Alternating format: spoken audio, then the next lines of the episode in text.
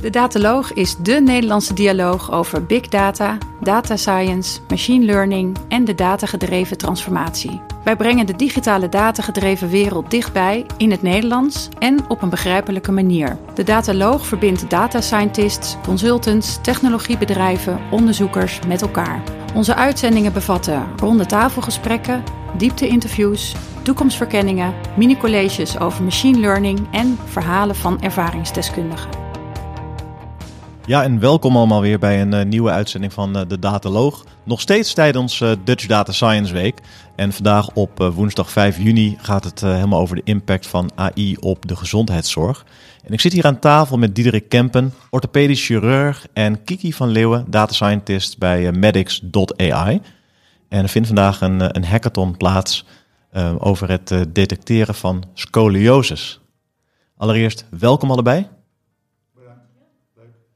Uh, Diederik, om uh, te beginnen bij jou. Uh, wie ben je en wat doe je in het dagelijks leven? ik ben een orthopedisch chirurg in het OVG. En in het dagelijks leven behandel ik patiënten met scoliose. Wat met name kinderen zijn. en ook wel volwassenen. Um, en die zie ik eigenlijk veel. Ja, en kan je iets vertellen over de, de afwijking scoliose? Ja, scoliose is een driedimensionale deformiteit van de rug. Um, dat wil zeggen, de, de rug is normaal gesproken in één vlak uh, recht, maar dan maakt hij een, S-curve. En um, die S-curve kan uh, ja, in verschillende maten aanwezig zijn. Um, ehm, 3% van de Nederlanders heeft een scoliose, maar dat kan een mildere vorm zijn. Niemand zijn rug is eigenlijk perfect recht altijd. Maar uh, 0,3%, dus dat is best wel een heel groot deel van de Nederlanders, die heeft een scoliose die eventueel behandeling behoeft. En komt dus veel voor. Ja, en uh, dat treedt op in de vroege puberteit, heb ik begrepen. Ja, dat is de meest voorkomende. Ja. Dus in de tienerjaren dat die zich ontwikkelt. Ja, ja. En uh, Kiki, uh, jij bent een van de organisatoren van de hackathon vandaag. Um, er zit zo'n 40 man hier in de zaal naast ons hard te werken aan verschillende challenges. Ja. Kan je iets vertellen over de hackathon? Waar, waar is men mee bezig? Ja, wat we dus proberen te doen is om uh, dus die scoliose te kunnen herkennen. Um, dus de orthopeden zijn natuurlijk hard bezig om uh, dat als uh, kinderen of, of kinderen in de puberteit komen bij de polykliniek om te zien of ze dat hebben en ze eventueel behandeling te geven. Maar heel vaak hebben ze niet door of ze het hebben. wat ik in ieder geval van Diederik heb geleerd vandaag, of wel eerder. Um, dus eigenlijk worden de, komen de, de, de kinderen te laat, waardoor ze misschien zelfs al een operatie krijgen. En wat we dus hier proberen te doen, is een algoritme te ontwikkelen waardoor we dat heel makkelijk kunnen detecteren. Dus vanuit foto's uh, kunnen we dan al vroeg zien of ze zo'n S aan het ontwikkelen zijn in een rug. Um, zodat ze ook eerder bij de orthopeet, uh, bijvoorbeeld bij Diederik terechtkomen. Ja, en daar zijn datasets voor uh, beschikbaar? Ja, die zijn beschikbaar gekomen vanuit het OVG. Uh, dus die hebben we geanonimiseerd. Dus het zijn niet uh, zomaar meer de, de, foto's zoals oorspronkelijk waren. Maar het zijn eigenlijk uh, zwart-wit plaatjes geworden. Waarin je dus de, de contouren eigenlijk van het lichaam nog ziet. maar niet herkent in ieder geval wie er op de, op de foto staat. En daar gaan ze dus mee aan de slag. Of zijn ze hard mee bezig nu. Om te kijken of ze daaruit kunnen voorspellen wie nou een orthopeed moet zien. Dus er zijn foto's genomen van uh, patiënten, die, uh, die staan dan uh, rechtop of die staan voorovergebogen. en op basis daarvan is het mogelijk om scoliose te herkennen, normaal gesproken. Ehm, zijn het puur foto's of zijn er ook nog andere type bestanden die gebruikt worden, andere type data? Ja, we hebben eigenlijk drie cases bedacht voor vandaag, zodat iedereen zijn favoriet kan kiezen met het type data dat hij graag mee wil werken. Dus we hebben afbeeldingen die gesegmenteerd dienen te worden. We hebben afbeeldingen om dus uit te voorspellen of er, uh, of er scoliose aanwezig is. En we hebben ook nog uh, wat feature data. Dus denk aan uh, of geslacht, leeftijd, zien we asymmetrieën. om daar dan uit te voorspellen of er scoliose is. Ja, want hoe detecteer je normaal gesproken deze aandoening, Diederik? Normaal gesproken kijken we naar de rug en doen we een test, dat heet de Adams Bending test, dat mensen voorover buigen en dan zien we een aantal kenmerken. En uh, um, dat zijn, is niet één kenmerk, maar dat zijn meerdere kenmerken die we kunnen zien, zoals een asymmetrie van de schouders of de taille of een, uh, een gibbus, dat is een soort bochel op de rug. Ja. Uh, en als we die kunnen detecteren, dan zijn dat aanwijzingen voor een scoliose. En wanneer is er sprake van een, een scoliose? Als eigen, ja, dat is een, een, een radiologische diagnose voor röntgenfoto's die we dan maken. En dat is omdat niemand perfect symmetrisch is, is moet het een hoek zijn. Uh, als we die meten op de foto van meer dan 10 graden. Um, de uiterlijke kenmerken uh, die corresponderen niet altijd even goed met de foto. Dus je moet eigenlijk al die kenmerken bij elkaar nemen uh, om een ja, voorspelling te doen of er een kans is op een scoliose. En dat is wat we eigenlijk hopen te doen. We hopen niet om, om uh, uiteindelijk de, de röntgenfoto, zal maar zeggen, niet meer nodig te maken. Want ik denk dat dat een heel moeilijk iets wordt. Maar we hopen wel dat we zo goed mogelijk kunnen voorspellen of het zinvol is dat iemand naar de dokter gaat daarvoor of niet. Ja, want je uh, vertelt dat uh, de, de röntgenfoto niet altijd correspondeert met uh, lichamelijke symptomen. Um, hoe bedoel je dat precies? Nou, symptomen, kinderen hebben geen klachten. Dus dat ja. is het moeilijke. Dus het is ja. niet iets wat we aan de kinderen kunnen vragen ja. of ze het hebben. maar het zijn de uiterlijke kenmerken. En sommige kinderen hebben hele ernstige uiterlijke kenmerken. maar waarbij de um, ernst van de scoliose wel meevalt. Anderen hebben milde uiterlijke kenmerken en die hebben een forse scoliose. Um, uiteindelijk het, het mooiste is, is als we kunnen detecteren of ze in een categorie zitten dat ze behandeling nodig hebben. Dus dat we ze vroegtijdig detecteren en dat betekent ook dat uh, boven de 10 graden zeggen we pas dat het scoliose is. Maar tot 25 graden doen we niks. Nou, dan nemen we enige veiligheidsmarge, houden we rekening mee. Dus eigenlijk als we een scoliose kunnen detecteren boven de 20 graden, zijn we al ontzettend blij. En dan hebben we voor ouders een ontzettend mooie tool om thuis te kunnen gebruiken, om, om, om hun kinderen thuis te kunnen screenen. Ja, en um, ik heb ook begrepen dat een, een scoliose, als die boven een bepaald aantal graden uh, komt, dat ook de kans dat het verergert veel groter wordt. Hè? Dat klopt. Ja. En hoe zit dat precies? Um, ja, als, als een scoliose boven de 30 graden komt, dan is de kans dat die uh, toeneemt tijdens de groei uh, wel fors. Mm -hmm. um, en het, het lastige met screening is altijd dat de, het is een momentopname en uh, een kind kan heel goed op de 10 graden zitten uh, op het moment dat hij 9 is, maar wel daarna toenemen. En het fantastische van zo'n tool is als mensen het kunnen herhalen thuis, waarbij dan ook gekeken kan worden of, die niet, uh, of de kenmerken niet duidelijker worden en daardoor de eventueel toename is en er dus eerder een noodzaak om naar de huisarts te gaan. Want hoe, hoe ernstig is een scoliose op het moment dat dat aantal graden gaat toenemen?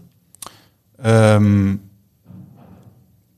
nou, laten we het zo. Ja, de, de, de, de, de ernst van de scoliose boven de 50 graden. Uh, zijn we sterk geneigd om een operatie te doen. Omdat die op volwassen leeftijd, als de kinderen uitgegroeid zijn, dan ook nog een kans heeft om toe te blijven nemen. Ja, wat gebeurt er dan? Uh, dan kunnen mensen, als die, die scoliose ernstig toeneemt, uh, uh, rugklachten. Um, Logisch. ja, en, en, en verminderde kwaliteit van leven door die rugklachten. maar als mensen bijvoorbeeld een bocht krijgen boven de 80 graden, dan merken mensen al dat ze eerder kortademig zijn. Ja. Hebben ze een bocht, ja, en dan praten we echt over hele, hele ernstige scoliose. Boven bijvoorbeeld de 110 graden, dan kunnen ze zelfs een, een te weinig ruimte voor de longen hebben, waardoor ze soms aan de nachtelijke beademing moeten. En dat zijn dus hele serieuze uh, bochten. Ja, ja, en als je dat kan voorkomen uh, met een app of door in een vroeg stadium op een andere manier uh, daar op toe te treden, ja. ja. dan is het natuurlijk wel, heeft dat sterk de voorkeur. Ja, absoluut. En ik denk dat heel sterk de voorkeur heeft. ik ben natuurlijk orthopedisch chirurg, ehm, maar het liefst opereer ik deze kinderen helemaal niet. Dus het liefst wil ik ze vroegtijdig detecteren en ze ook de keuze geven voor een behandeling. Uh, waarmee je de kans op een operatie aanzienlijk kan verminderen. En uh, dus die bocht veel kleiner kan houden. En ja, dat is natuurlijk fantastisch voor de toekomst. Ja, en Kiki, we zijn vandaag hier bezig met een, een hackathon. Um, hoe haalbaar is het om aan de hand van die foto's uh, de diagnose te kunnen helpen stellen? Ja, dat zal vandaag uitwijzen. Um, Ivo, mijn collega, die heeft er al wat gespeeld uh, met de data en gekeken wat er uh, uit te, halen valt. Maar eigenlijk hebben we nog echt wel vragen ook gesteld vandaag, waarvan we het antwoord ook nog niet weten. Dus we hopen op mooie resultaten die we ook echt kunnen benutten om dit probleem aan te pakken. Ja, wat is je verwachting van de hackathon en wanneer is het voor jou een succes? Nou, het, het, is natuurlijk sowieso een succes als iedereen een leuke, mooie dag heeft gehad en er wat van heeft geleerd. Ja, maar dat zit volgens mij uh, wel goed. Ik kijk even naar rechts. Ik zie uh, iedereen heel erg uh, geconcentreerd bezig en met elkaar in discussie. Ja, het is mooi om te zien hoe, hoe de teams zijn gevormd vanochtend. nieuwe mensen elkaar willen, of mensen elkaar willen leren kennen. Um, en ze hard aan de slag zijn gegaan. Um, nou ja, het zou mooi zijn als we natuurlijk straks aan het eind van de middag gaan ze ook pitchen. Uh, en gaan we ook uh, kijken met een testset. Dus we hebben nu een trainset data gekregen waar ze hun algoritme helemaal op kunnen uh, fine-tunen en kunnen ontwikkelen. En uiteindelijk krijgen ze ook data waar ze het antwoord nog niet van weten. Om te kijken van hoe goed werkt dat algoritme nou om het te voorspellen. En het zou natuurlijk helemaal mooi zijn als we daar echt percentages zien die, die dicht komen bij wat een arts kan, kan voorspellen. Want Diederik, jij uh, ja, deelde ook de, de droom dat op een gegeven moment die, die app beschikbaar is, uh, uh, drempelvrij online, zonder dat je per se een app ook hoeft te, downloaden. Dat ouders daarmee aan de slag kunnen gaan om bij hun kinderen foto's te maken en een diagnose, in ieder geval een waarschijnlijkheidskans terugkrijgen. Ehm, stel dat het dat technisch haalbaar is en uit deze hackathon en het andere werk wat er wordt verricht, blijkt dat dat best wel aardig mogelijk is. Is het dan ook eh, direct haalbaar om eh, zo'n toepassing in de praktijk in te gaan zetten? Of zijn er dan nog stappen die gezet moeten worden? Um, ik denk dat daar heel erg belangrijk is om uh, binnen het medische veld gewoon samen te werken. Wij hebben het hier al over gehad met de jeugdgezondheidszorg, die vroeger screende op scoliose. En die hebben al een digitaal een app, een groeiboekje, wat ook in boekvorm altijd beschikbaar is voor de ouders. Maar het, uh, die zijn hartstikke geïnteresseerd. En het zou fantastisch zijn als we zoiets kunnen implementeren uh, bij de jeugdgezondheidszorg in die groei-app. Die ze al hebben, zodat het vrij beschikbaar is en, en ouders dat veel kunnen gebruiken. Um, ja, dus op die manier denk ik dat we het zo goed mogelijk voor ouders beschikbaar moeten maken. Ja, ja. en het, het, initiatief van deze hackathon en die groep mensen die hier zit, wat vind je daarvan? Ja, fantastisch om te zien. Het is echt. Uh, binnen het medische vlak zijn natuurlijk heel veel ideeën en problemen waar we tegenaan lopen. Uh, maar we hebben als medici natuurlijk absoluut niet de kennis en de kunde om dit soort dingen te doen. En het is fantastisch om te zien hoe hier mensen bij elkaar zitten die vanuit verschillende invalshoeken, verschillende achtergronden, met kennis over verschillende onderwerpen binnen artificial intelligence en binnen programmeren dit ja, oppakken en hier heel enthousiast over zijn en uh, heel geconcentreerd bezig uh, zijn. Ja, en die hun tijd er ook aan kunnen en willen besteden. Dus ja. dat is fantastisch dat mensen een dag beschikbaar stellen om ja, hier aan te werken met elkaar. Ja. Wat voor achtergronden zien we in de zaal? Kiki, heb je daar een beeld bij? Ja, we hebben het aan het begin gevraagd. Ja. Van, nou, bijna iedereen werkt wel met data. wat natuurlijk ook misschien wel te verwachten viel. Uh, sommige ook met medische data. Uh, ook, ik denk ongeveer 75% dat wel ook iets gerelateerd is aan, uh, aan de gezondheidszorg. Maar ook een groep die dat normaal helemaal niet, daar niet mee bezig is. En qua programmeertalen hebben we nog even gecheckt. Nou, er kwam ook van alles langs. Maar Python is toch wel echt de favoriet van vandaag. Ja, en daar kunnen ze ook mee uit de voeten vandaag? Ja, zeker. Dat ja, moet lukken, ja. laatste vraag voor jou, Kiki. Wat voor technieken zetten de, de deelnemers in? Ja, dat is wel leuk aan, aan, aan, de, de cases, denk ik ook. Want er, zit, er kan van alles. Um, dus uh, ja, er is natuurlijk hot, uh, hot and happening nu om met deep learning aan de slag te gaan, zeker op, op imaging. Maar dat is zeker niet de enige manier om aan antwoorden te komen, omdat het dus die plaatjes uh, ook asymmetrieën bevatten en daar kunnen ze ook gebruik van maken. Dus ook meer de klassieke computer vision techniek is toepasbaar. Um, dus ik ben heel erg benieuwd naar waar ze allemaal mee komen aan methodes, want er zal best wel heel veel verschil in kunnen gaan zitten. Ja, ja. En uh, er is ook een prijsuitreiking uh, vanmiddag, uh, heb ik begrepen. Zeker. Hoe, hoe, worden die, die prijzen uitgedeeld?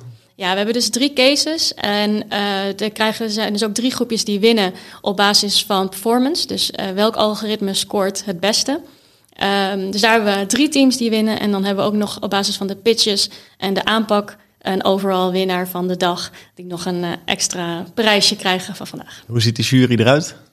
Ja, er zitten natuurlijk ook de medische experts bij. Uh, aangezien die uiteindelijk uh, ermee aan de slag moeten gaan. En ook technisch expert die uh, mee kan beoordelen over de methodiek. Ja, waar ga je straks op letten, Diederik?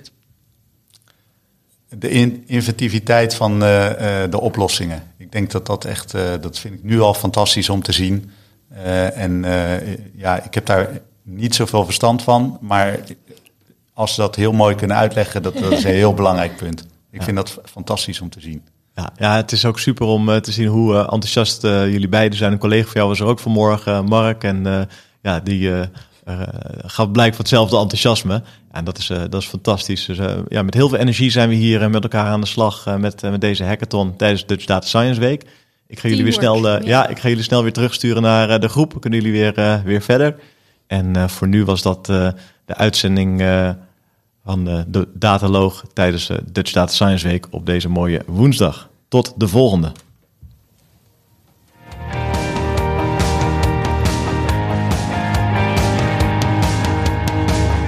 Bedankt voor het luisteren naar deze uitzending van de Dataloog podcast. Wil je automatisch wekelijkse podcast ontvangen? Klik dan op subscribe in jouw favoriete podcastprogramma. Vond je onze podcast leuk, goed, interessant of wellicht te veel ene en nullen? Laat een review achter of geef thumbs up.